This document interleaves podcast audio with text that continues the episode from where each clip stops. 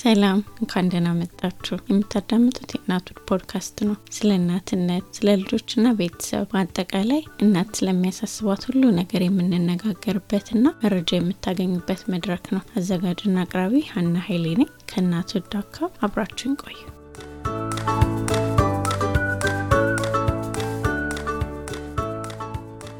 በዛሬው የእናቱን ፖድካስት ክፍል ከጊፍቲ ጋር ቆይታ ይኖረናል። ውይይታችን የህጻናት ልጆች አመጋገብ ላይ ትኩረት ያደረገ ነው። ህጻናት ልጆች በተለይም ከስድስት ወር በኋላ ተጨማሪ ምግብ እንዴት እናስጀምራለን፣ ምን አይነት የአመጋገብ ዘዴዎች አሉ፣ እንዲሁም እንዴት ተመጣጣኝ ምግብ መመገብ እንችላለን እና ህጻናት ራሳቸውን መመገብ እንዲችሉ እንዴት መርዳት እንደምንችል ጨምሮ ሌሎች ጠቃሚ ነገሮችን እናነሳለን። መልካም ቆይታ።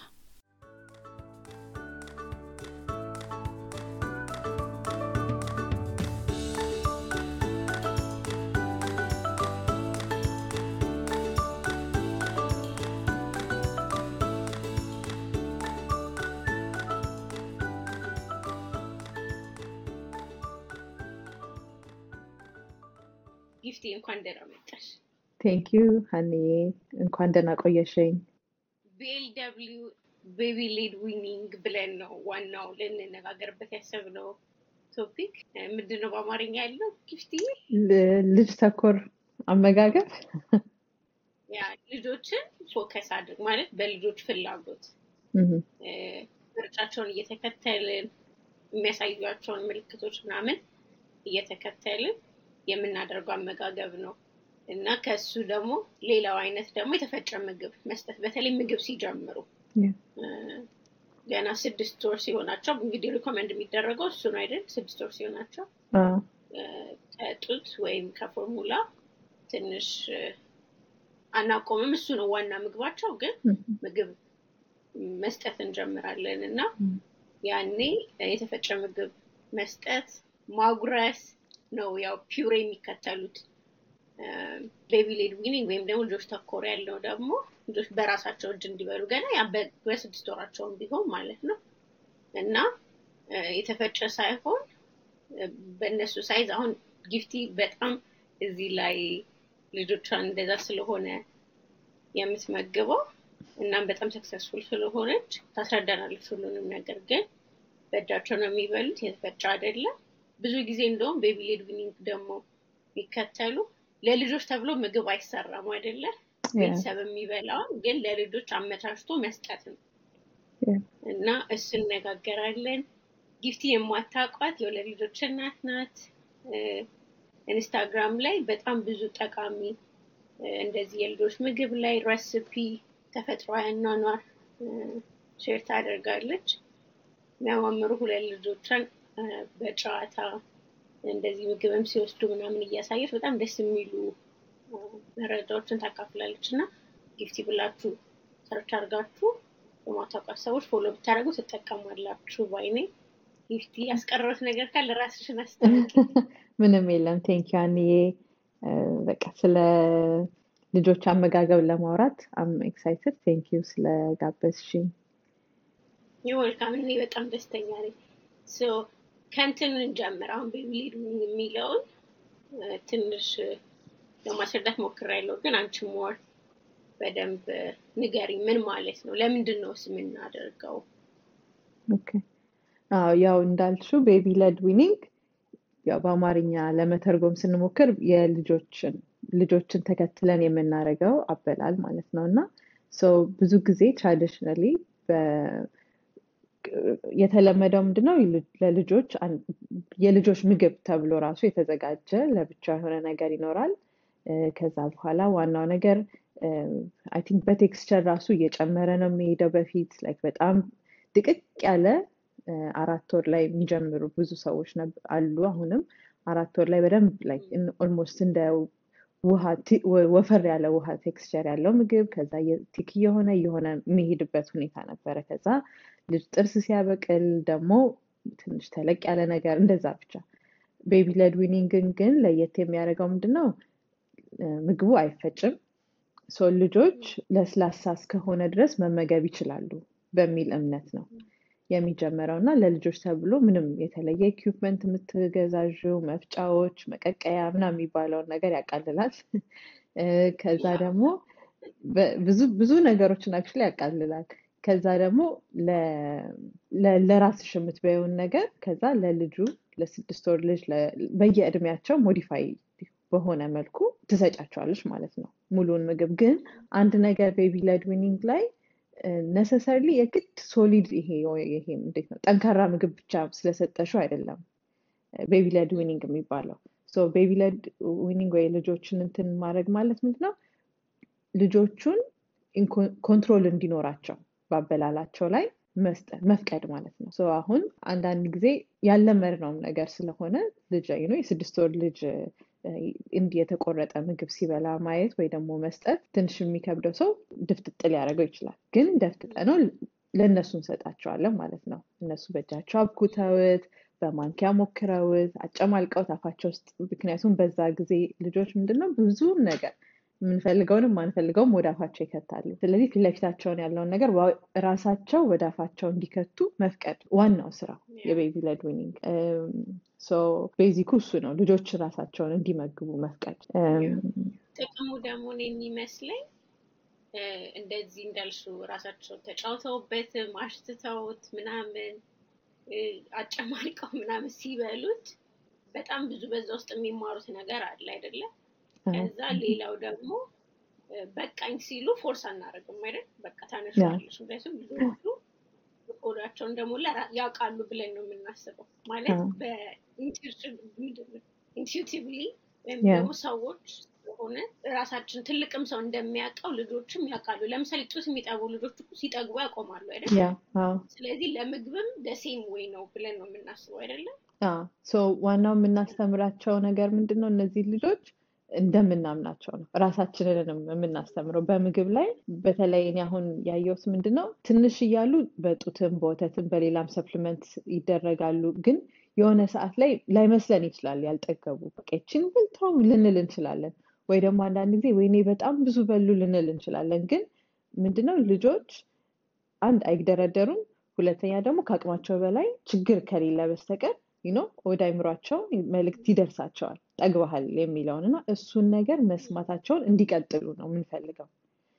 አንድ የሚያደርገው baby led weaning ምንድን ነው እኛም ልጆቹን trust እንድናደርጋቸው ልጆቹም ደግሞ የራሳቸውን የጠግበሃል ርቦሃል የሚለውን ስሜታቸውን እንዲያምኑት ያደርጋቸዋል ማለት ነው።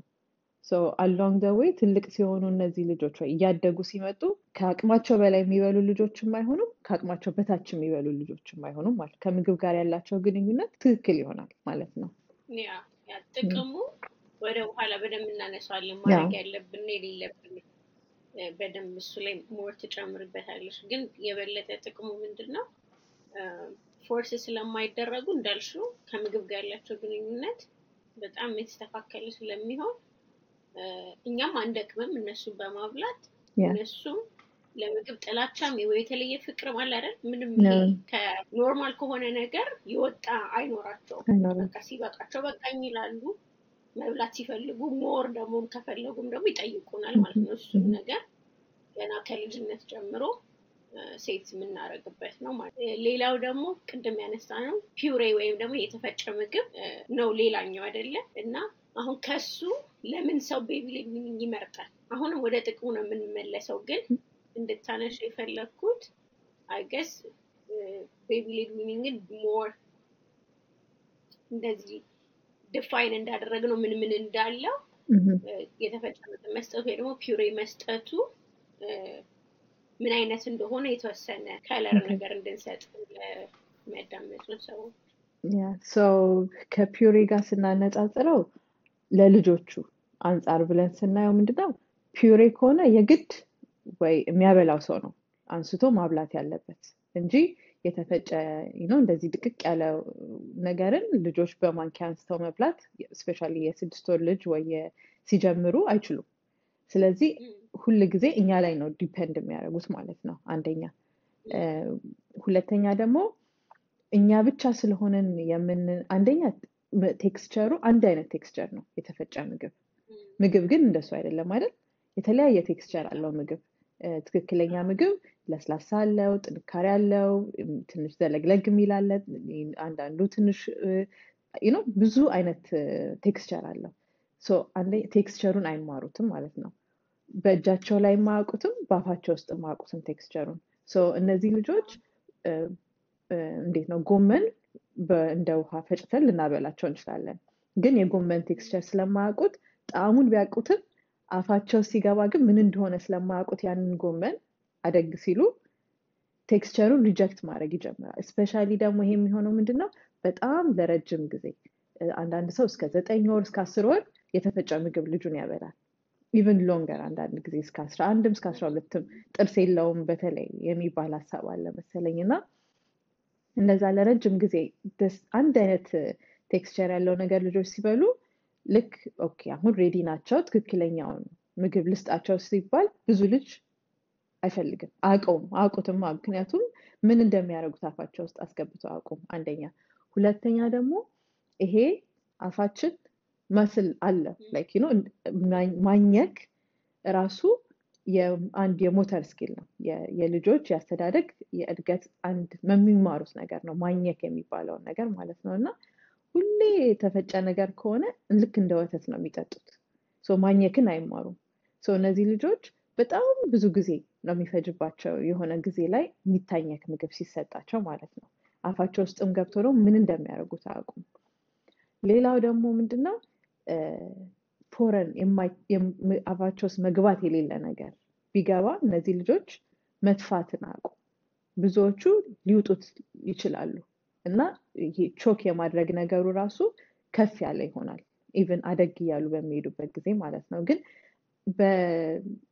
ገና ከመጀመሪያው ግን ጠንከር ያለ ምግብ መብላት ማኘክ የለመዱ ልጆች አፋቸው ሲገባ ማኘክና መትፋትን ይማሩታል ማለት ነው።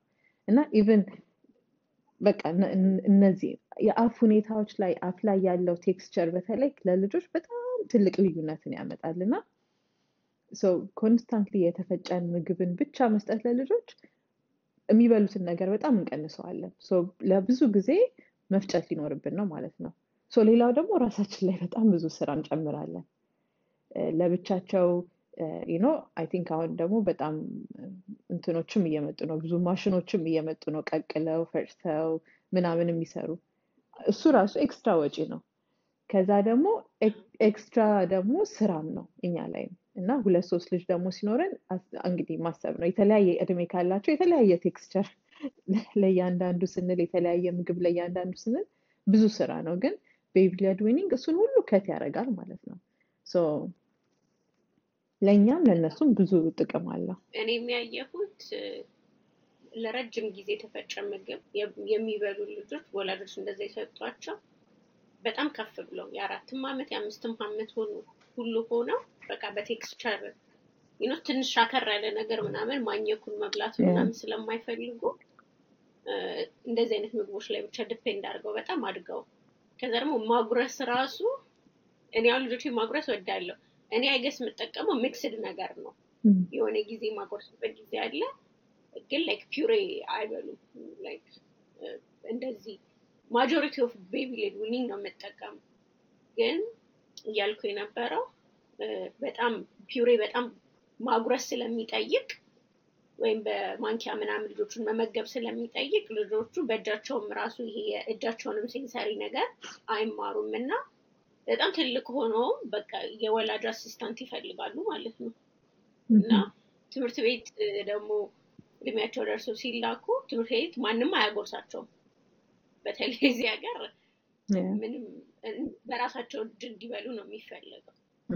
ከዛ ሳይበሉ ተርበው ወይም ደግሞ በቃ ፈሳሽ ነገር ብቻ ወይ ጁስ ምናምን ወተት ብቻ ምናምን ጠጥተው የሚመጡ እና ለረጅም ጊዜ struggle የሚያደርጉ ልጆች አይቻለሁ እና I guess ጥቅሙ በጣም ብዙ ይመስለኛል። ግን አንዳንድ ሰው ምናልባት ወዲያው ስድስት ወር ላይ መስጠት እንኳን ባይፈልግ ወይም ደግሞ ለራሳችንም አንዳንዱ ነገር ትምህርት ነው አደለ ሬዲ ላይሆን ይችላል ሰው እና መጀመሪያ ላይ እንኳን የተወሰነ እየፈጨ የሚሰጥ ቢሆን ምን ትመክራለሽ ለወላጆች ማለት ነው እኔ በጣም ዋናው ነገር ቅድምን መጀመሪያ እንዳልኩት ምንድን ነው መጀመሪያ specially ሲጀመር ልጆች አንስተው ራሳቸው አፍ ውስጥ እንዲከቱ ማስተማር በራሳቸው እንዲበሉ ማድረግ በጣም ብዙ ለራሳቸውም እንትን ይሰጣቸዋል፣ confidence ይሰጣቸዋል። ሁለተኛ ደግሞ ምግብም ለእኛም ስራ አይሆንብንም። ይሄ like ነው በቃ ጭቅጭቅም አይሆንብንም። ነው ራሳቸው እንደገና ደግሞ texture ኡንም በእጃቸው መንካታቸው መፍቀዳችን ያንን ያንን mess እንዲፈጥሩ መፍቀዳችን ትልቅ ነገር ነው። እና even puree ራሱ ቢሆን ድቅቅ ያለ ውሃ የሆነ puree አያስፈልጋቸውም ልጆች። ትንሽ thickness ካለው በማንኪያ እንደዚህ እንዲህ ማንኪያ ላይ ቁጭ የሚል አሁን አቮካዶ ድፍጥጥ ብናደረገው ማንኪያው ላይ እንደዚህ ስናደረገው ውድቅ አይልብንም አይደል ማንኪያ ላይ እንደዚህ አንስተን ልንሰጣቸው ማንኪያውን እንዲህ መስጠት እንችላለን። አሁን የመጀመሪያ ሰሞን ላይ እሱን አድርጌያለሁኝ። እስኪያድግ ድረስ እንደዚህ አንስቼ በማንኪያ ከሆነ የምጠቀመው ማንኪያውን አንስቼ ማንኪያውን ነው የምሰጠው። ማንኪያውን ከእጅ ተቀብሎ እራሱ አፍ ውስጥ ይከታል ማለት ነው። ምን እያደረኩኝ ነው? ለሱ እድል እየሰጠሁት ነው እራሱን እንዲመግብ። ሁለተኛ ደግሞ ሌላ መፍጨት ውስጥም አልገባሁኝም። አሁን የምሰራውን like ነው ምንም ምግብ ቢሰራ በእጃችን ወይ በማንኪያ ደፍጠጥ ደፍጠጥ ማድረጉ በጣም ቀላል ነው። ይሄ መቅጠን አለበት puree መሆን አለበት የሚለው ይሄ ምንም texture ላም ማለት አለበት እሱ ጥሩ አይደለም። ጉዳቱ ነው እንጂ ጥቅሙ ምንም የለውም። ለልጆቹ አያስፈልጋቸውም። ይችላሉ። አፋቸው ውስጥ ያንን ነገር manipulate አድርገው አቅጥነው መዋጥ ይችላሉ ልጆች ራሳቸው የተፈጠረ እነሱን protect የሚያደርጋቸው የአፍ mechanism አላቸው ልጆች። አንድ በጣም እኔ በጣም የገረመኝ ነገር ስለ baby weaning እንትን ስል እሱ ነው ማለት even puree ራሱ ቢሆን የሰጠናቸው ትንሽ ለአፋቸው ከከበደ ልጆች ኦ ብለው ትፍት ያደርጉታል። ወይ ደግሞ አፋቸው ውስጥ እንዲህ like solid ነገር ሰጥተናቸው ብዙ ሰው የሚፈራው ምንድነው ትልቅ ነገር ጎርሰው ቢታነቁስ ነው። እንዲያውም ትልቅ ነገር ሲጎርሱ በጣም ጥሩ ነው። ምክንያቱም አፋቸው ያውቀዋል ያንን ትልቅነቱን ይሰማዋል እና ይተፉታል። ብዙ ጊዜ ማለት ልጆችን እንግዲህ ያበላ ሰው ተለቅ ነገር ያለ ካያችሁ እንደዚህ አድርገው ይተፉታል እና ልጆች ያንን understanding ራሱ መትፋት የሚለውን ነገር ማወቅ ራሱ life saving ነው። ሌላው ራሱ ቢቀር ማለት ነው የማይሆን ነገር ቢገባ ራሱ የመትፋትን ነገር ማለት ነው እና ምንድነው የምለው thickness ኡን thicker ከሆነ ነገር ጀምሮ ከዛ ግን texture ን introduce ማድረግ ግዴታ ነው። እንደሱ ካላደረግን ልጆቻችን አንደኛ እነሱንም በቃ ከምግብ ጋር ያላቸውን relationship እናበላሽባቸዋለን። ሁለተኛ ለእኛ ደግሞ በረዘመ ጊዜ ጊዜው በጣም አድካሚ ነው የሚሆነው ልጆችን ማብላት። ልክ ነሽ፣ በጣም እንግዲህ እኛም ትንንሽ ልጆች ነው ያሉን ግን በማብላት ያየናቸው ነገሮች እነዚህ ናቸው እና አንቺ ያልሽውን በሙሉ እስማማለሁ። ምክንያቱም ራሴ ልጆች ላይ ስላየሁኝ ማለት ነው። እንዳልሽው አሁን ሲጫወቱ ለምሳሌ ድንጋይ ወይ ነው የሆነ መጫወቻም ሊሆን ይችላል ምናምን ሲወስዱ ትፋው ወይም ትፊው ምናምን ስል ችግር የለባቸውም ማውጣት ይችላሉ በቀላሉ ማለት ነው። ምግብ ሲመገቡ ያወቁት ነገር ስለሆነ ማለት ነው። ከዛ በጣም ስራ ያቀለለልሽው ነገር በጣም ጥሩ ነው። እኔ ትንሽ ከ baby led weaning መጀመሪያ ላይ የሚሰለቸኝ የነበረው ብዙ mess ስለሚፈጥሩ እሱን clean ማድረግ ነው። ግን አሁን ለመድኩት ማለት ነው። ስለለመድኩት ምግብ እንደበሉ ወዲያው ነው ሁሉም ማጸዳው በቃ ምክንያቱም ሲደርቅ ምናምንም ስለሚያስቸግር ቶሎ አነሳዋለሁ። የሚቀመጡበት አይቸርም ካለ እሱን ነቃቅዬ ምናምን አጥባለሁኝ እና ግልግል ነው። ከዛ ግን በእጃቸው ስለሚበሉ በተለይ ደግሞ እንዳልሽው ሁለት ልጅ ምናምን ሲኖር አስቸጋሪ ነው። እኔ ሁለቱም ተቀራራቢም ስለሆኑ ሁለቱንም ሳህናቸውን ይዘው ይቀመጣሉ፣ በራሳቸው እጅ ይበላሉ። እኛ ራሱ አብረን እንቀርባለን ማለት ነው። ምሳ ቁርስ ምናምን ስንበላ አብረን ነው የምንሆነው። ከዛ ምንም አንቸገርም ነው እነሱን በማብላት ማለት ነው። አንዳንድ ጊዜ እንዳልኩት ማጉረስ የምፈልግበት ጊዜ አለ። እና ምንም እሱ ችግር የለውም። ነው ይለምዳሉም ደግሞ ሁሌ በእኔ ዲፐንድ እንዳልሆነ ያውቃሉ። ከዛ በእጃቸው ይዞ መብላት በጣም በጣም ትልቅ ነገር ነው። እውነት ለመናገር ውሃም ራሱ መጠጣት በራሳቸው መጠን መለካት ሁሉ ይጀምራሉ። እንዳልሽው አሁን በክፍት ምንድነው? ወይ በብርጭቆ ወይ ደግሞ በኩባያ ምናምን ሲጠጡ ይሄ እንደሚመጡት ነገር አይደለም። ወይ እንደ sippy cup ምናምን አይደለም። ያኔ መለካት ይጀምራሉ ሁሉንም ግልብት አያደርጉት አዎ። የሆነ ጊዜ ይሳሳታሉ፣ ግን ይለምዳሉ ማለት ነው። ግን ያነሳሽው መታነቅ ወይ ደግሞ ይሄ ትንታ ሰው የሚፈራው እሱን ስለሆነ gagging እና choking difference ኡ ምን እንደሆነ አስረጅን እስኪ።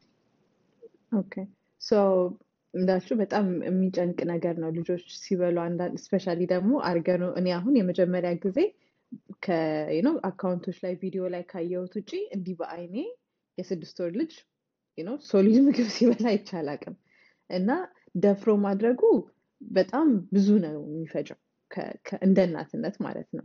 እኔ understand ሰው እንዴ solid አልሰጥም ምናምን ሲል ይገባኛል። ምክንያቱም እኔም ማለት ከብዶኛል፣ ግን ማድረግ አለብኝ ማለት ይሄ ነገር ከጉዳቱ ጥቅሙ ይበልጣል ብዬ ስላሰብኩኝ ነው እንጂ ያደረግኩት ትንሽ ይከብዳል። specially ትንሽ እያሉ አምኖ ሙሉ ነገር አንስቶ መስጠት እና you know አይታነቁም ብሎ ማመን ማለት ነው እና choking እና gagging I guess በአማርኛ መታነቅ እና ቋቅ ማለት ማለት ነው ልዩነታቸው።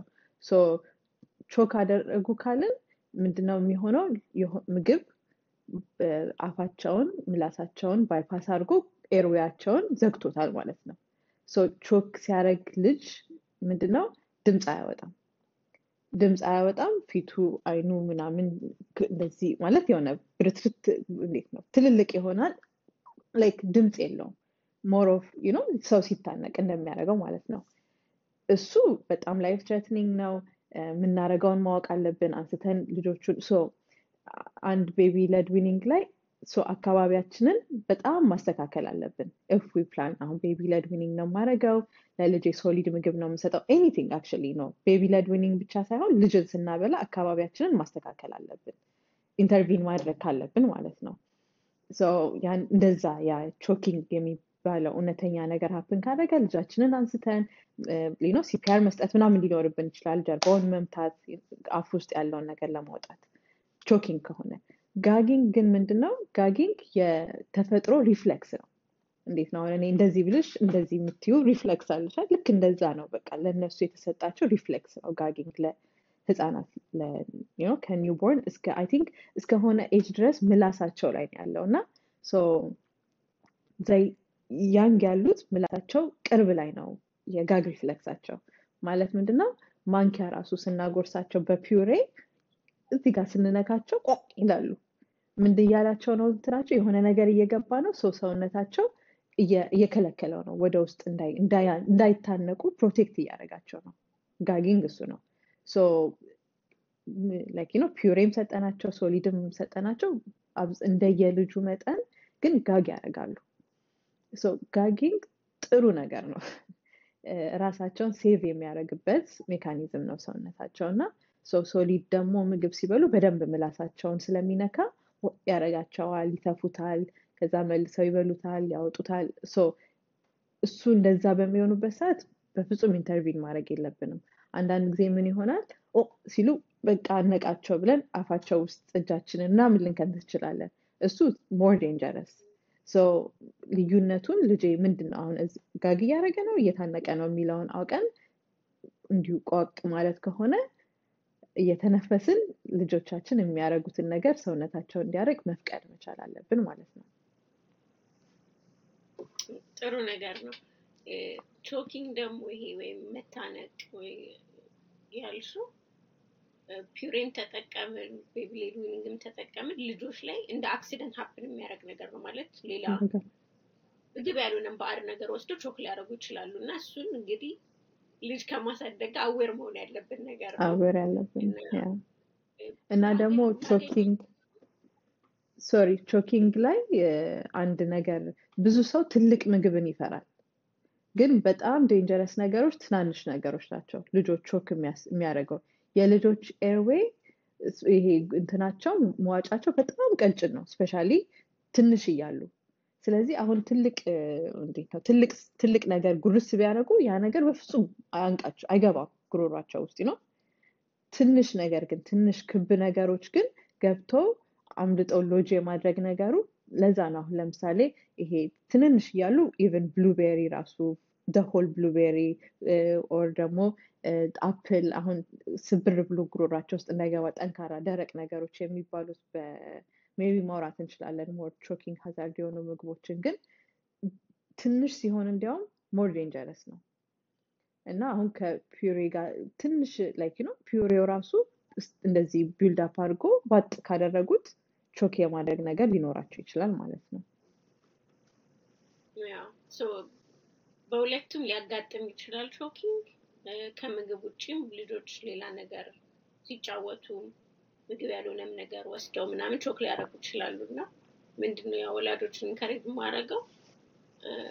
ቶሎ መስጠት የምንችለው እርዳታ ይሄ ልጆቹን ዝቅ አድርጎ ጀርባቸውን መቶ ምናምን በቀላሉ ማውጣት ይቻላል። እና ደግሞ የቻለ ሰው CPR ቢወስድ ትምህርቱ ቀላል ነው። እኔም ቅርብ ጊዜ የወሰድኩት ግን የቻለ ሰው access ኡ ያለው ሰው ቢያደርግ በጣም ጥሩ ስለሆነ እሱን encourage ለማድረግ ብዬ ነው እና ምናልባት ግን አሁን ወይ puree ጀምረው መካከል ላይ ያሉ ሰዎች ሊኖሩ ይችላሉ። ወይም ደግሞ በእጃቸው puree ሳይሆን ምግቡን እያጎረሷቸው ግን texture የሚያውቁም ልጆች ሆነው በእጃቸው የማይበሉ ግን ልጆች አሉ። ማለት በቃ ልጄ አይበላም፣ በራሱ እጅ አይበላም። እኔንም ደግሞ ተሯሩጬ ምናምን ብዙ ለምኜ ነው የማበላው። በጣም እቸገራ እኔ በየሄድኩበት ማለት ነው። ያው በቃ እናት ስትሆኝ ስለ ልጅ ነው አይደል የምታወሪ። በየሄድኩበት የምግብ ነገር ሁሌ ነው የሚወራው ማለት ነው። ሌሎችም የሚወሩ ከልጅ ጋር የተያዙ ነገሮች አሉ፣ ግን ዝም ብዬ እንደው ጠቅለላ አድርጌ ባስበው በጣም በዋናነት የሚነሳው ምግብ ነው ብዬ ነው ማስበው። አይበላም፣ ፒኪ ነው ወይ ደግሞ በራሱ ቁጭ ብሎ አይበላም። እንደዚህ በቃ ብዙ የሚነሱት ከምግብ ጋር የተያያዙ ነገሮች ናቸው እና ከፍ ላሉም ልጆች ቢሆን ወይም ደግሞ already ምግብ ጀምረው ግን አሁን አንቺ የምትዩን ነገር በቀጥታ ያልተከተሉም ሰዎች ቢሆን መካከል ላይ ያሉ ምን ምን ትመክሪያለሽ? በራሳቸው እንዲበሉ እንዴት ልጆችን ማበረታታት እንችላለን? ያ በ stage በ stage ትንሽ ልበለው። ልጁ በጣም young የሆነ ሰው ከስድስት ወር እስከ አንድ አመት ያለው ሰው ያለው ወላጅ አንደኛ ነው የምለው ምንድነው ለልጁ control ይስጡ ማለት ልጁን ማመን ልጃቸውን ማመን ይጀምሩ እና አቅርበውላቸው ሲርበው ይሄ ልጅ ይበላል የሚለው ነገር ካለመደ of course በተደጋጋሚ ማድረግ ሊኖርብን ይችላል። ዛሬ ግማሹን አጉርሰ ነው እስቲ ግማሹን ደግሞ አንተ ሞክር ልንለው እንችላለን። process ሊኖረው ይችላል። ግን ምንድነው በጣም ብዙ ጊዜ ወላጆችን ችግር ውስጥ የሚከተው ምንድነው ልጆቻችን በቂ የበሉ አይመስለንም። በቃ ሙሉ ሳህን ራሱ ብዙ ወላጅ እኔ ማለት በቃ የጠገብ አይመስለንም ልጅ በልቶ እና ወይ ደግሞ እኛ assume የምናደርገው ነገር አለ ይህን ያህል መብላት አለባቸው ብለን ወይ ነው አንድ ሙሉ ዳቦ ከሰጠናቸው ይህን ዳቦማ እንዴት እንዴት ይጠግባል ሳይጨርስ ብለን ጭቅጭቅ ውስጥ እንገባለን ማለት ነው። አሁን ያንን ለማስጨረስ ወይ በጉርሻ እንታገላለን ወይ screen እንሰጣለን ወይን እያሯሯጥን ነው አልበላም እያለ ልጁ no ኧረ ጉረስ እያለን ያ ምን እያደረግነው ነው ለልጁ habit እያስተማርናቸው ነው ማለት ነው።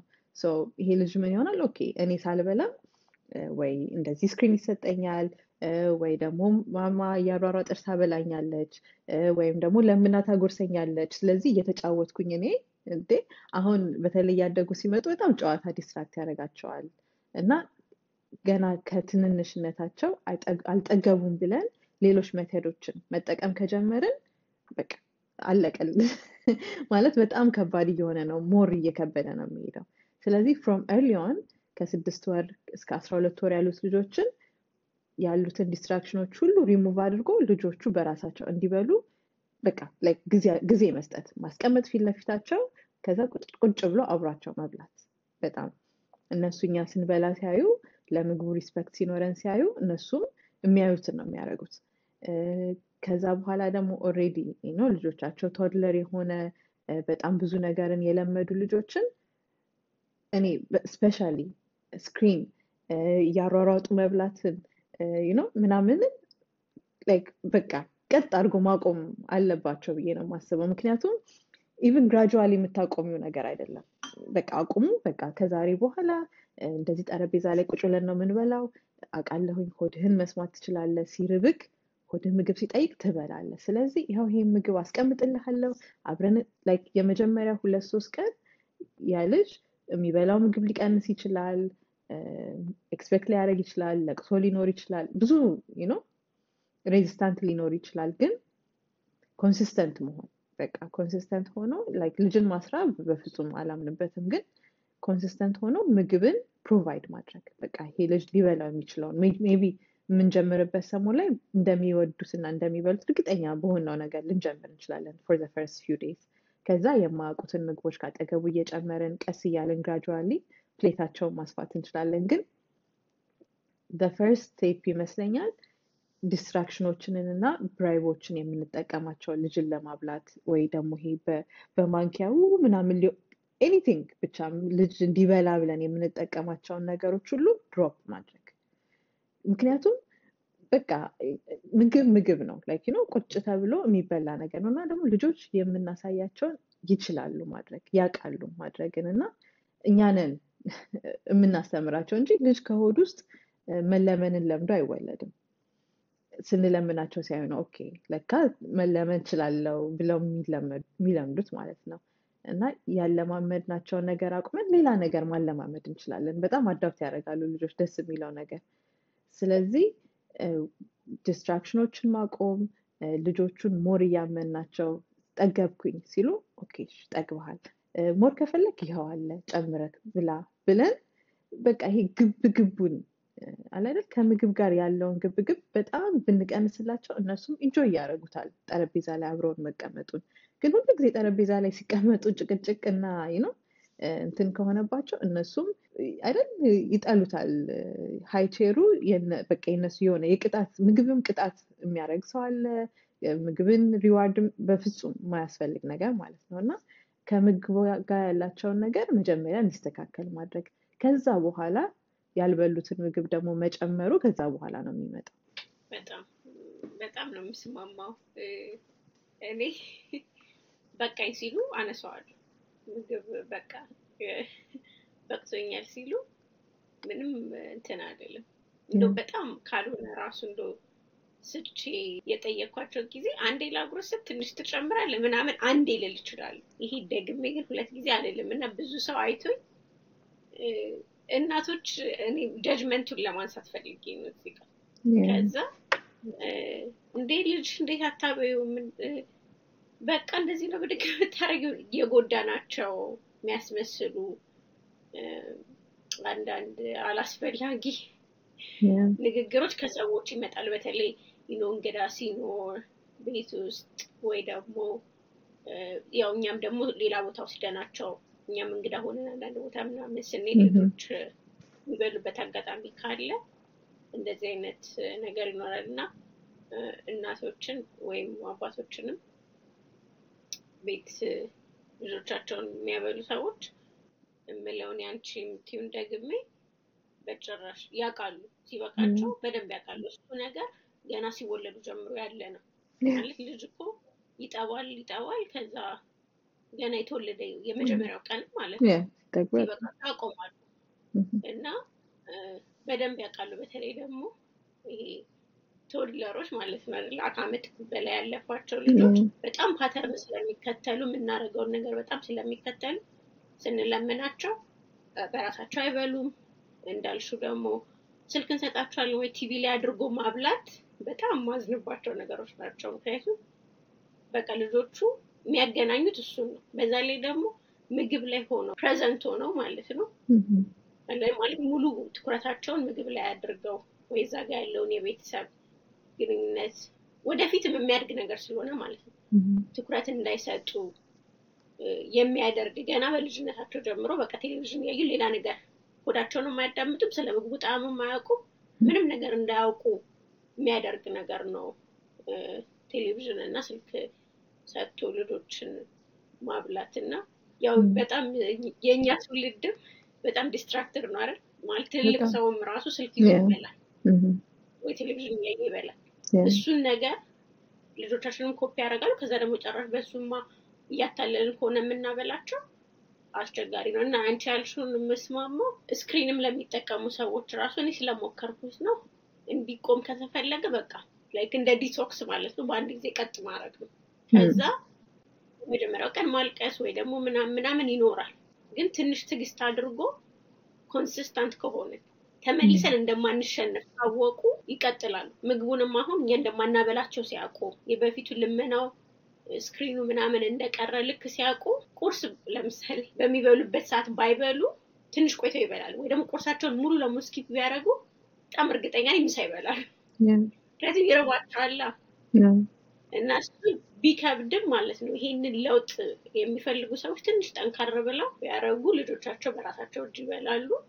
ከዛ የወደፊት ነገራቸው በጣም ለወላጅም የቀለለ ለእነሱ ደግሞ ጥሩ ከምግብ ጋር ያላቸው ነገር ጥሩ እየሆነ ይሄዳል። ሌላ አንድ ነገር ለመጨመር even ልጆች አሁን አንዳንድ ጊዜ እኔም ነው ከአካባቢ የማየው ምናምን አንዳንድ ልጆች በጣም እልህ የሚጋቡ አሉ። by the way ቁርስም ምሳም ሳይበሉ ማታ በቃ ይሄ ሀሞት ራሱ በቃ ወደ ላይ እስኪላቸው ድረስ ምግብ refuse የሚያደርጉ በቃ ያንን የለመዱትን ነገር ካልሰጠሽኝ ብለው ማለት ነው። እና አንዳንድ ጊዜ ምንድነው እዛ ደረጃ ከመድረሱ በፊት ነገሮችን ማስተካከል አንድ ነገር፣ ሁለተኛ ግን እዛ ደረጃ ላይ የደረሰ ልጅ ካለን አንዳንድ ጊዜ የምናታልልበት ነገር በዛው በምግቡ ጋር የተያያዘ አሁን የሆነ ሰሞን እኔ ልጄ በጣም ጥሩ በሊታ ነው፣ ግን አዳዲስ ነገሮችን እንዲሞክርልኝ ስፈልግ ምንድነው ብዙ ጊዜ የሚጠቅመው ነገሮች ምንድነው kitchen ውስጥ አብሮኝ ማምጣት ወይ አብሬው እና cook እናድርግ ይህንን እስቲ እንስራ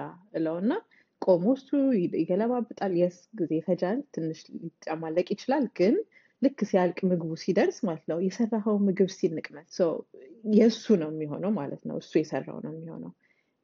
ወይ ደግሞ የተለየ እቃ ላይ መስጠት like አሁን ወይ በትልቅ bowl ሊሆን ይችላል የምንሰጣቸው። እስቲ በዚህ በትልቅ bowl እንብላ ዛሬ በቃ make like ነው የሆነ outside of the food ያለ ነገር ሳይሆን distraction ኡ ወይ ደግሞ ማታለያው እዛው ከምግቡ ጋር የተያያዘ ነገር ምን ጀመርኩኝ እኔ አንዳንድ ጊዜ በቃ ወይ እንትን ሲል chopstick Asian ኦቹ የሚበሉበትን እንትን በሱ አድርጌ እስቲ በ chopstick መብላት ትችላለህ፣ እስቲ እንሞክር።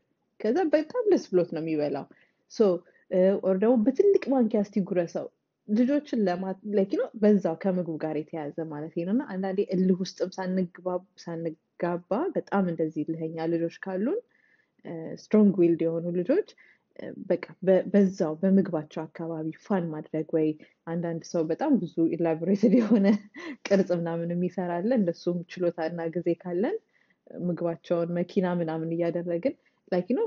ግን ምግብን መብላትን መልሰን ማለት በፊት ጭቅጭቅ ከነበረ በፊት ጥል ከነበረ ምግብን የሰላም ነገር ማድረግ በቃ የጨዋታ ነገር ማድረግ በምግቡ ወይ craft እንዲሰሩ በጎመን ልንሰጣቸው እንችላለን።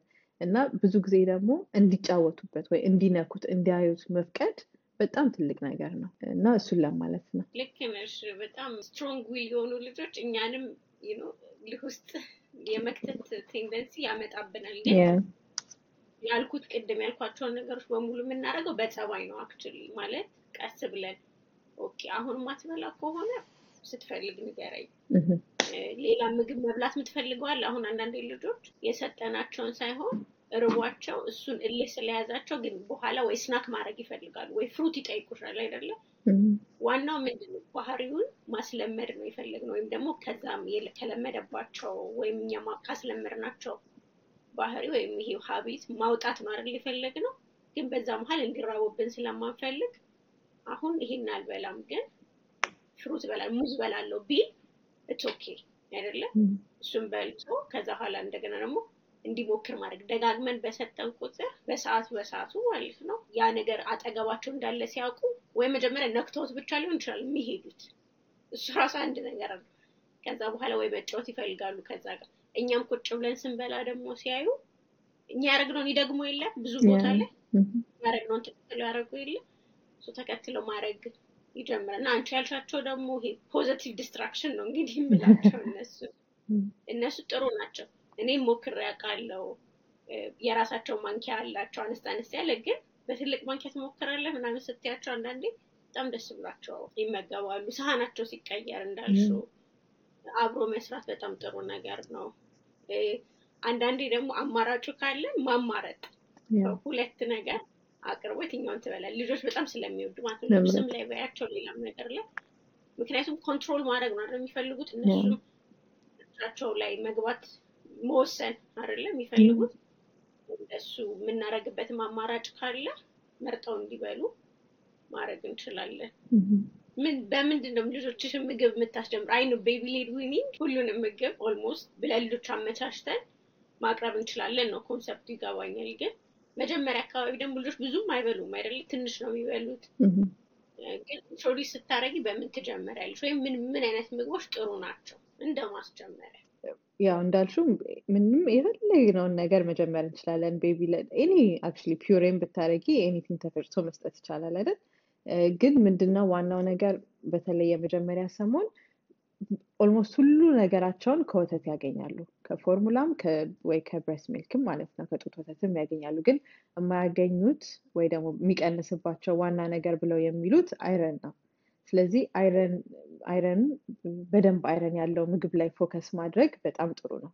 so anything you know የስጋዎች ሊሆን ይችላሉ ወይ ደግሞ ብቻ iron ኣችንን የምናገኝባቸው ብለን የምናስባቸውን ነገሮች ላይ focus ማድረግ አንደኛ። ሁለተኛ ደግሞ ብዙ ሰው ምንድን ነው ሲያደርግ የማየው በተለይ puree የሚሰጥ የሚሰጥ ሰው ጣፋጭ fruit ኦችን ወይ vegetable ኦችን ከጣፋጭ ካልሆኑ ነገሮች ጋር mix ያደርጋቸዋል። sweet potato ን ከጎመን ከብሮኮሊ ጋር ወይ ነው ወይ ሙዝን ከ berry ጋር like ነው እንዳይቆመጥጣቸው ለልጆች በሚል ሀሳብ ማለት ነው። ግን እሱ በጣም የማይመከር ነገር ነው።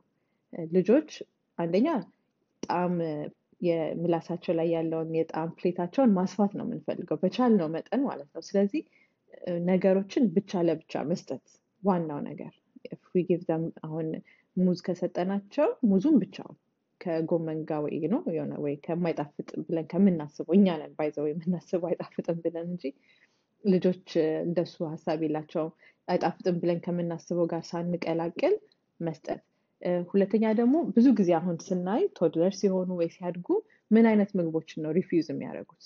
vegetable አይደል? ብዙ ልጆች vegetable ነው የማይበሉት። ወላጅ የሚቸገረው vegetable ላይ ነው። ስለዚህ በሱ ለምን አንጀምርም? በ vegetable ብቻ እኔ ልጄን ሙዝ የሰጠሁት I think ወደ አስር ወር ምናምን አካባቢ ነው ለመጀመሪያ ልጄ።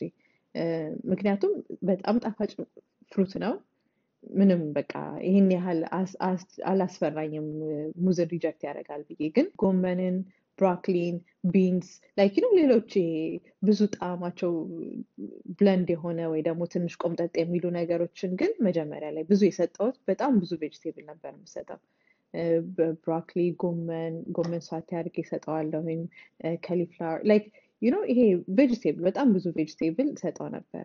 እና ከዛ ደግሞ mix ደግሞ ማድረግ ስንጀምር mixed የሆነ ነገሮችን ማስለመድ።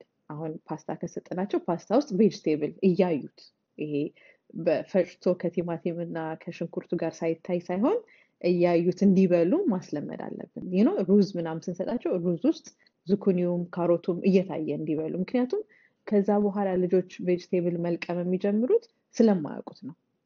አሁን ነው ሲያድጉ ያላዩትን ትንሽ ሆነ ያልበሉትን ነገር ጣዕሙም ስለማይገባቸው በቃ አይፈልጉትም። ስለዚህ ምንድነው የምለው በ vegetable ኦች መጀመር። ብሮኮሊ በጣም አሪፍ ምግብ ነው ለመጀመሪያ፣ ለመያዝም ይመቻል። texture ብዙ አለው። ጣዕሙም ትንሽ ነው እንትን ነው like sweet ም አይደለም። ብሮኮሊ ጣዕም ብሮኮሊ፣ አቮካዶ slippery ም እሱን ትንሽ ያሟልጫል፣ ያስቸግራል። ግን አለው modify አድርጎ መስጠት ይቻላል።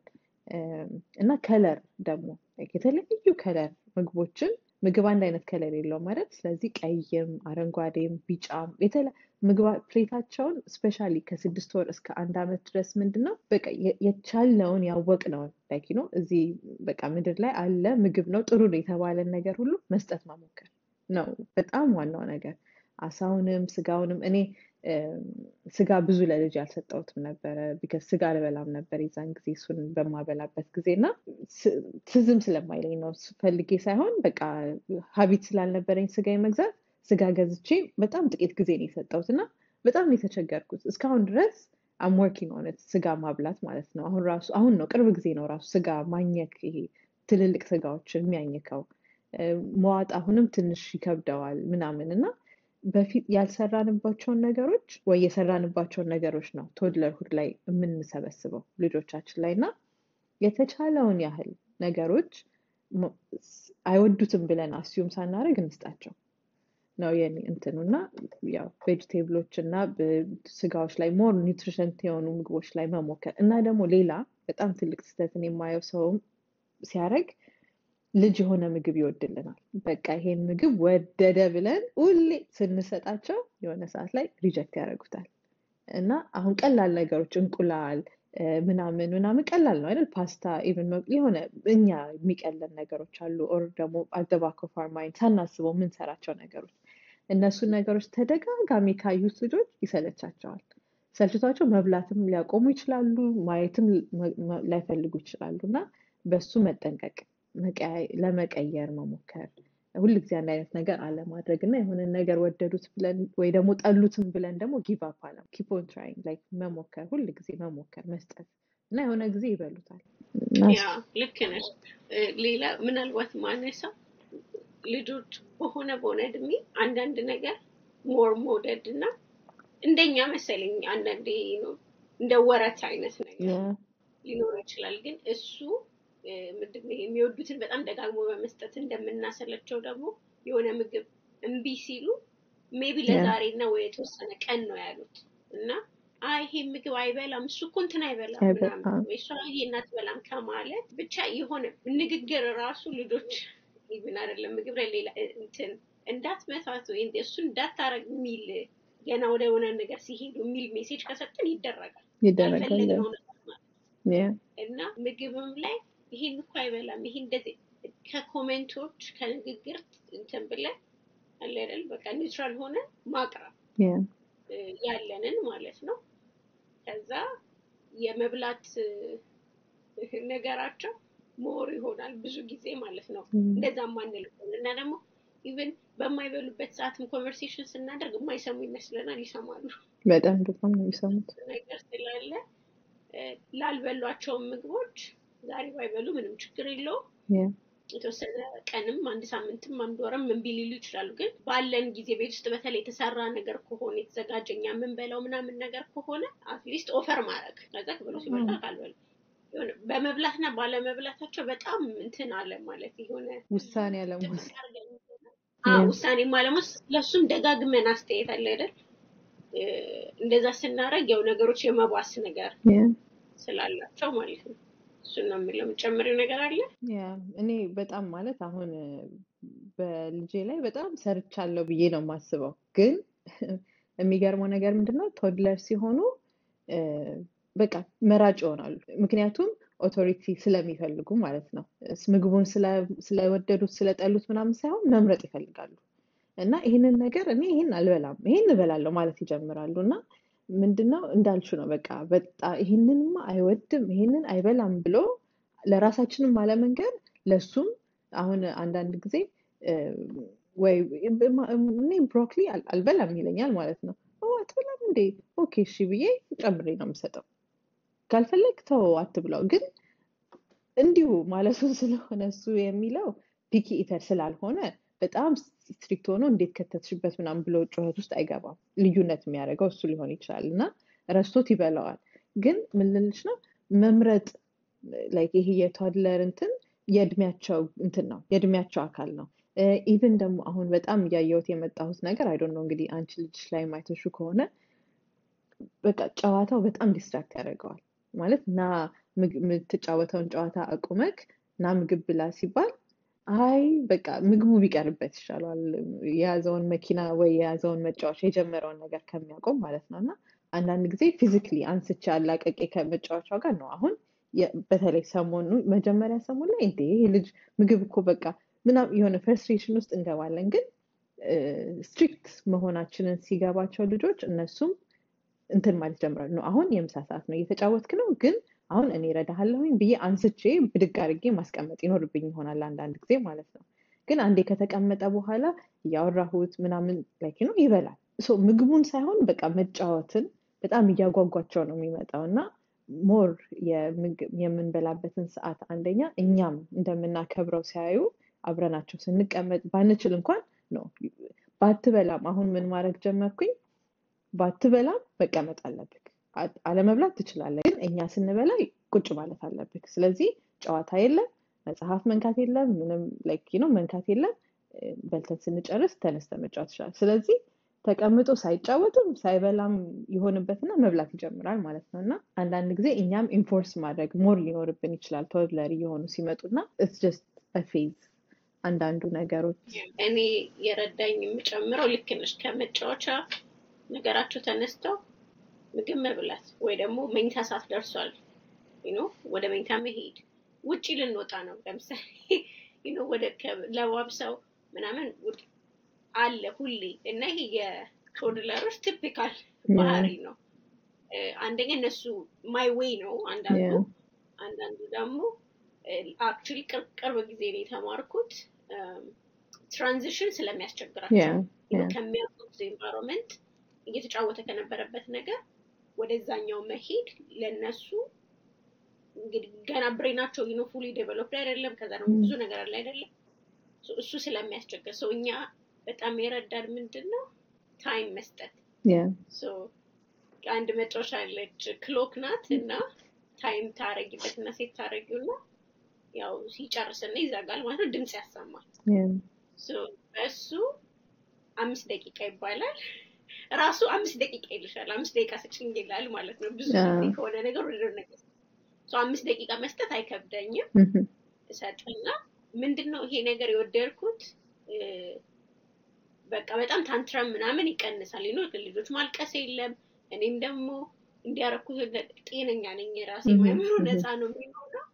ልጁም በጣም ነው cooperate የሚያደርጉት በዚህ ማለት ነው። እና ሞክሩት። አምስት ደቂቃ ሁለት ደቂቃ ደግሞ የ time concept ም እያስተማርናቸው ነው አደሴም time እና አምስት ደቂቃ ለዋለው ጨዋታውን ልክ ሲጮህ ይመጣና ወንበሩ ላይ ተቀምጦ ይበላል ማለት ነው። Yeah። የተመጣጠነ ምግብ ደግሞ አንዳንዱ ጥያቄ የሚሆንበት እሱን ያው ለወይ picky ለሆኑ ልጆች ወይ ደግሞ አንድ ነገር ብቻ ሲመርጡ ምናምን እንዴት አድርገን መስጠት እንችላለን? ያው ወደኋላ ይመልሰናል። ቅድም ያወራነው ሁሉንም መጀመሪያ ማስተዋወቁ ጥቅሙ እሱ ነው። ስጋም ስንሰጣቸው ፕሮቲን ነገርም እንዲበሉ፣ vegetable ም እንዲበሉ፣ ሌላውንም ሁሉንም ነገር እንዲበሉ የሚያደርጋቸው ያው ሁሉንም መስጠት ነው። ግን ከዛ በተጨማሪ ምናልባት cooking ም ላይ የተወሰነ tips ልትሰጭን ትችላለሽ ነው። ልጆቻችን ተመጣጣኝ ምግብ እንዲበሉ ምን ማድረግ እንችላለን? ያው ብዙ ነገሮች የምንጨምራቸው ነገሮች ሊኖሩ ይችላሉ። አሁን እኔ በጣም እንትኖች ይሄ አሁን chia seed፣ hemp seed ብዙ ነገር አላቸው ነው omega three ምናምን ለመጠቀም የተለያዩ ነገሮች add የሚደረጉ እንደዚህ sprinkle የሚደረጉ ነገሮችን በመጨመር boost ማድረግ እንችላለን። ከዛ የምንጠቀማቸው oil ኦችን ነው ወይ avocado oil ወይ ቅቤ ወይ ghee በማድረግ ነው የተሻለ more ጥሩ ነው ጥሩ fat ኦችን በመስጠት ልናደርግ እንችላለን። ከዛ ደግሞ የአጥንት bone broth የአጥንት ውሃ ነው I guess እንደ መረቅ ነው አይደለ? bone broth እንደዛ መስራትን በራሳችን እንችላለን። ከዛ የሚገዛም አለ። እሱን አሁን ስንቀቅልላቸው መኮሮኒ ሊሆን ይችላል ወይ rice ስንቀቅልላቸው ሊሆን ይችላል። እሱን መጠቀም even sauce ኣቸው ውስጥ እንደዛ የማይታዩ ብዙ add የሚደረጉ ነገሮች አሉ።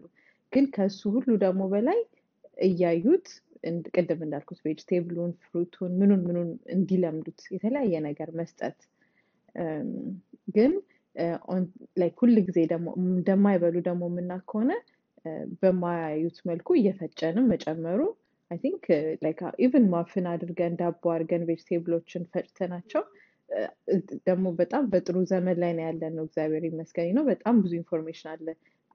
just need አንድ ደቂቃ ጉግል ማድረግ ነው ነው ቁጭ ብለን እንደዚህ እንደዚህ አይነት የሆነ ነው more fortified የሆነ ምግብ እንዴት ልስጥ ለልጄ ብለን ጉግል ብናደርግ በጣም ብዙ recipe ዎችን እናገኛለን እና በሚወዱት መልኩ ራሱ መስጠት እንችላለን። ግን እሱንም እያደረግን ነው አሁን ለምሳሌ even smoothie ውስጥ አይደል smoothie ውስጥ vegetable መጨመር እንችላለን ምናምን ግን እሱንም እየሰጠናቸው ግን on side ሁል ጊዜ እውነተኛውን actual የማይበሉትን ብለን የምናስባቸውን ያስፈልጋቸዋል ብለን የምናስበውን ነገር offer ከማድረግ አለማቆም።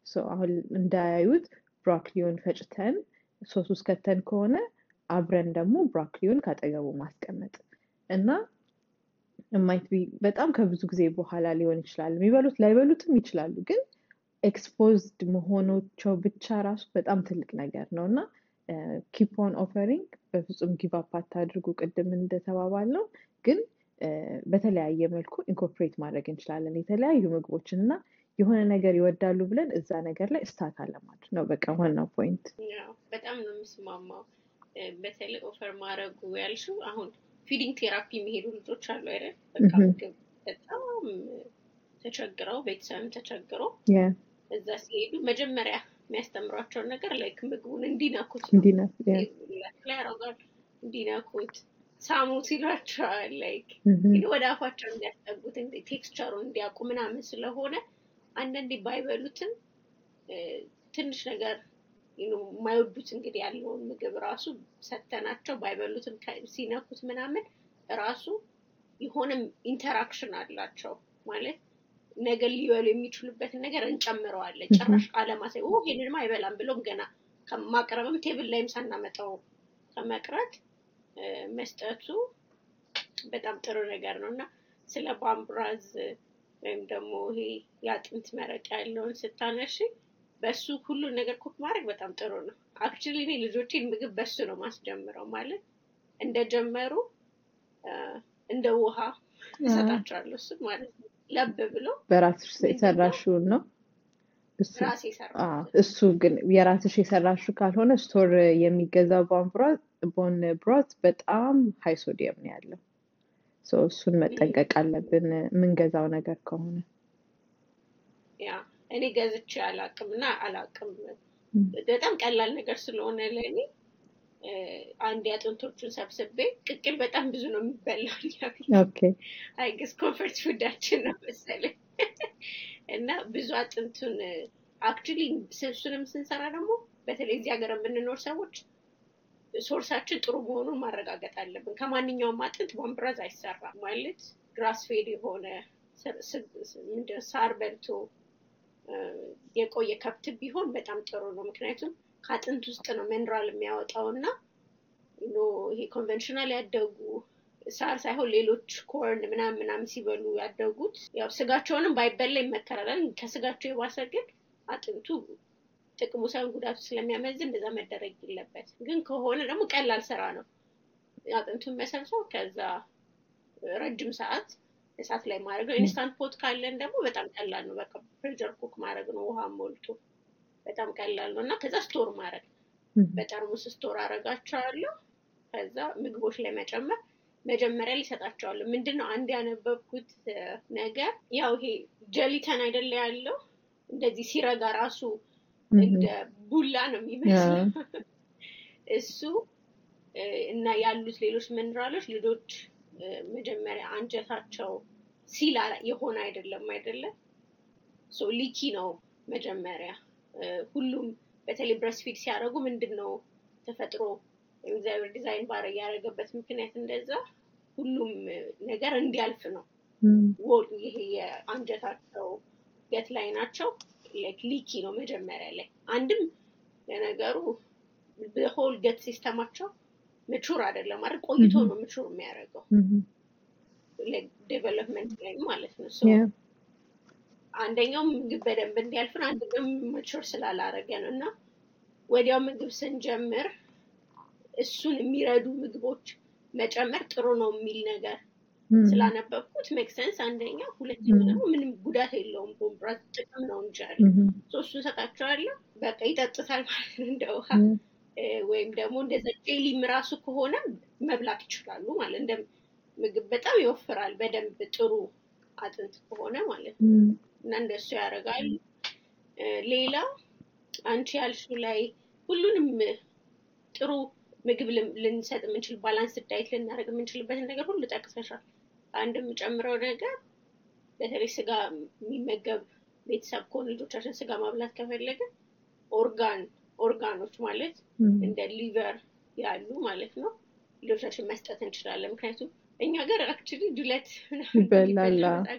አዎ ማለት ካልቸራችን ራሱ ባህላችን ለዛ ቀረብ ያለ ነው እና በጣም ጥሩ ነው አሁን ብዙ ሚነራል እንዳለው ከስጋ የተሻለ እንደሆነ ይነገራል እና እሱን ራሱ ልጆቻችን ምግብ ላይ መጨመር እንችላለን። ቀድመንማ እንደውም ካስለመድናቸው ይበላሉ። ምንም ሀይድም ማለት አያስፈልግም። እሱን ራሱ ማለት ነው።. ሌላ የምትጨምሪው ነገር አለ? ብዙ ነገር ነው ከበር ያደረግ ነው።.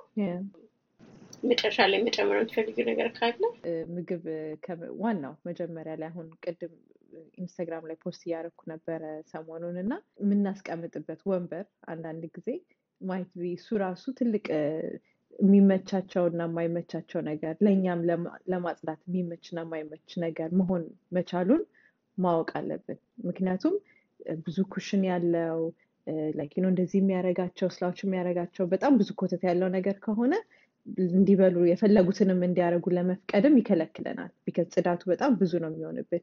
ስለዚህ በተቻለ መጠን clean design ያለው ቀላል ወንበር ለመቀመጥ መቀመጫ መግዛት ስናስብ እንደዛ ብናደርግላቸው፣ ከዛ ደግሞ ልጆች ሲቀመጡ ninety degree መሆን አለባቸው ሲበሉ straight up፣ ከዛ እግራቸው የሚረግጥበት በጣም important ነው። ምክንያቱም እኛ ራሳችን ትልቅ ሆነን እግራችንን ማሳረፍ እንፈልጋለን። እግራችን ተንጠልጥሎ ስንቀመጥ ይጨንቃል፣ አይመችም፣ ፍጹም አይመችም እና እግራቸውን የሚያሳርፉበት ቀጥ የሚያደርጋቸው clean design ያለው ብዙ ኦፕሽኖች አሉ። በጣም በጣም expensive ከሆኑ እስከ በጣም ርካሽ እስከሆኑ አሉ። like ነው እንደዛ ለማጽዳትም ለእኛ የሚመቹን ነገሮችን መምረጥ። ሁለተኛ ደግሞ ሲበሉ ምግብ ሲጀምሩ constantly አለማጽዳት፣ especially እየበሉ ይሄ አፋቸውን ሞልወል እጃቸውን መጥረግ በጣም መጥፎ ነገር ነው። እንዲሁ ራሱ ልጆች እንዲህ መጸየፍ እንዲጀምሩ ነው የምናደርጋቸው ምግብን እና clean መሆን የለባቸው። ምግብ በልተው ሲጨርሱ ቢሆን እንዲያውም ከጠረጴዛቸው ላይ ወርደው እንዲታጠቡ ማስለመድ። እዛው ላይ ሆነው በቃ ምንም ነገር አይንካን አይንካችሁ አይነት ነው ብለን እኛም የሚያጸይፈን ከሆነ እነሱም ተጸያፊ ነው የሚሆኑት እና በእጃቸውም ለመንካት አይፈልጉም፣ መቆሸሽ አይፈልጉም እና which leads more picky eating ማለት ነው እና ከዛ ደግሞ ምግብ በቃ ምግብ ከሰጠናቸው በኋላ ምግብ even በልተው ከጨረሱ በኋላ በቃ ለማጽዳት እዛው ጋር ለማጽዳት በጣም አለመታገል አንስተናቸው ምግብ ጠረጴዛ ቦታውን የጽዳት ቦታ ሳይሆን በቃ የመ- የመ- የመቆሸሻ ቦታ መሆኑን እና it's okay የሚለውን ነገር understand እንዲያደርጉ ማለት ነው። መጨረሻ small tips ናቸው፣ ግን it might help ብዬ የማስባቸው ነገሮች ናቸው። በጣም ነው help የሚያደርገው። በጣም help ያደርጋል። ልክ ነሽ። እቃ ያው የልጆች በሙሉ ለልጆች የሚጠቅሙ gadget gifts ምናምን ስንገዛ እኔ ማለት ነው በጣም የረዳኝ እ፣ ያየሁት practical ነው ወይ አንዳንድ ነገር even ልብስ ራሱ በጣም ሊያምር ምናምን ይችላል so cute ምናምን ብለሽ ልትገዥ ግን practical ነው ወይ ለመጫወት ይመቻቸዋል is it safe ምናምን የሚል ነገር ሁሌ አእምሯችን ውስጥ አስቀምጠን መጠየቅ አለብን እና ስንገዛ እንደዛ ማድረግ እውነትሽን ነው። like ወንበር ላይ ካልተመቻቸው በትክክል ካልተቀመጡ ደግሞ ሌላው ለ choking ቢሆን የሚያጋልጥ ነው የሚሆነው። ሲተኙም ራሱ no firm የሆነ ነገር ላይ ነው አይደል መተኛት ያለባቸው።. ልክ እንደዛ ሲቀመጡ የሚመቻቸው ግን firm ሆኖ እንዲቀመጡ የሚረዳቸው ልክ ነሽ። እግራቸውም ቢሆን የሚደገፉበት እንጂ ተንጠልጥሎ ማይመቻቸው መሆን የለበትም። ይሄን ደግሞ more conscious ይሆናሉ መቼ toddler ሲሆኑ እና Yeah. ማይመቻቸው ነገር በጣም refuse የሚያደርጉ ስለዚህ የመደባደብ ውስጥ ማለት ትግል ውስጥ እልህ ውስጥ ምናምን መግባት የለብንም። እዛ. ድረስ መደራረስ አለ። ምን ሊይዛቸዋል፣ እኛም ደግሞ በጣም ከሁሉም በህይወታችን ከምናደርገው busy life and stress ጋር እዛ እንትን ውስጥ እንገባለን እና በኋላ ምን ይሆናል ወደ convenience መሄድ ነው በቃ የሚጠጣውን ጠጥቶ እንዲሄድ ወይ ደግሞ. puree መስጠቱ ምናምን ውስጥ እንገባለን እና ሁሌ. environment ኣችንን ማለት በጣም ማምንበት ነገር ነው። እንኳን ምግብ ላይ ሁሉም ነገር ላይ. የዕለት ተዕለት ውሏችንን የሚያቀልልን ስለሆነ ለልጆቹ ለማደግ thrive ያደርጋሉ። እዛ አይነት environment ውስጥ ሆኖ ሁሌ nagging ሁሌ የሆነ ነገር አድርጉ ሳይሆን በቃ smooth የሆነ ይሆናል ማለት ነው። experience ኣቸው ጥሩ በሆነ ቁጥር ለሚያደርጉት ነገር ደስተኛ ሆነው ያደርጋሉ። Mm. እንትን ማጽዳት ያልሽው ልክ ነሽ። በቃ ልጆች ምንም እንዳይቆሽሹ ከመፈለግ የተነሳ አስበኑም አይደለም አንዳንዴ. እንደዛ ማድረጉ ልጆቹን በጣም ፒኪ ያደርጋቸዋል።. በቃ ይጠሉታል፣ እንደ ቆሸሹ ነው የሚያስቡት እና ከጨረሱ በኋላ ያ ይቆሽሻሉ፣ ልብስ ይቆሽሻል እና አንዳንዴ ይሄ ለትንሽ የሚከላከል ነገር ቢብስ ነው ማድረግ ይቻላል እያንዳንዳቸው የሚያደርጉት ወይም አንዳንድ ደግሞ እንደዚህ ሊለብሷቸው የሚችሏቸው አይነት protect የሚያደርጉ አሉ። ግን እኔ የምመክረው ከሁሉ ቀላል በቃ ማንፈልገውን ልብስ ቲሸርት no light color ኣቸውም በጣም በጣም ነጭ ነገር አልብሰን የሆነ የማይሆን ነገር ከማድረግ color ኡ የሚለቅ ምናምን የልጆች ልብስ ደግሞ ቶሎ ቶሎ የሚቀየር እና በኋላ ደግሞ ትንሽ ጊዜ ተጠቅመው ማንጠቀመው ምንጥለው አይነት ነው የልጆች ልብስ። ስለዚህ ውድ ነገርም አለመግዛት፣ practical ማድረግ ማለት ልጆች እንደሚጫወቱ እንደ messy እንደሆኑ ማወቅ በቃ expectation ኣችን እንደዛ መሆን አለበት። ከዛ እሱን አድርገን ከበሉ በኋላ ሲጨርሱ ልብሱንም መቀየር እንችላለን፣ ማጠብም እንችላለን ወስደን።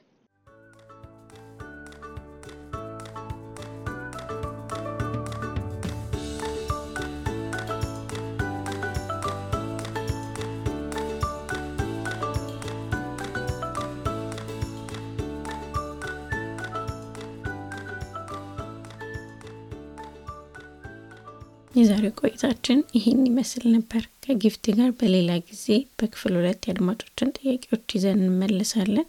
በቀጣይ ክፍሎች እስከምንገናኝ በያላችሁበት ሰላም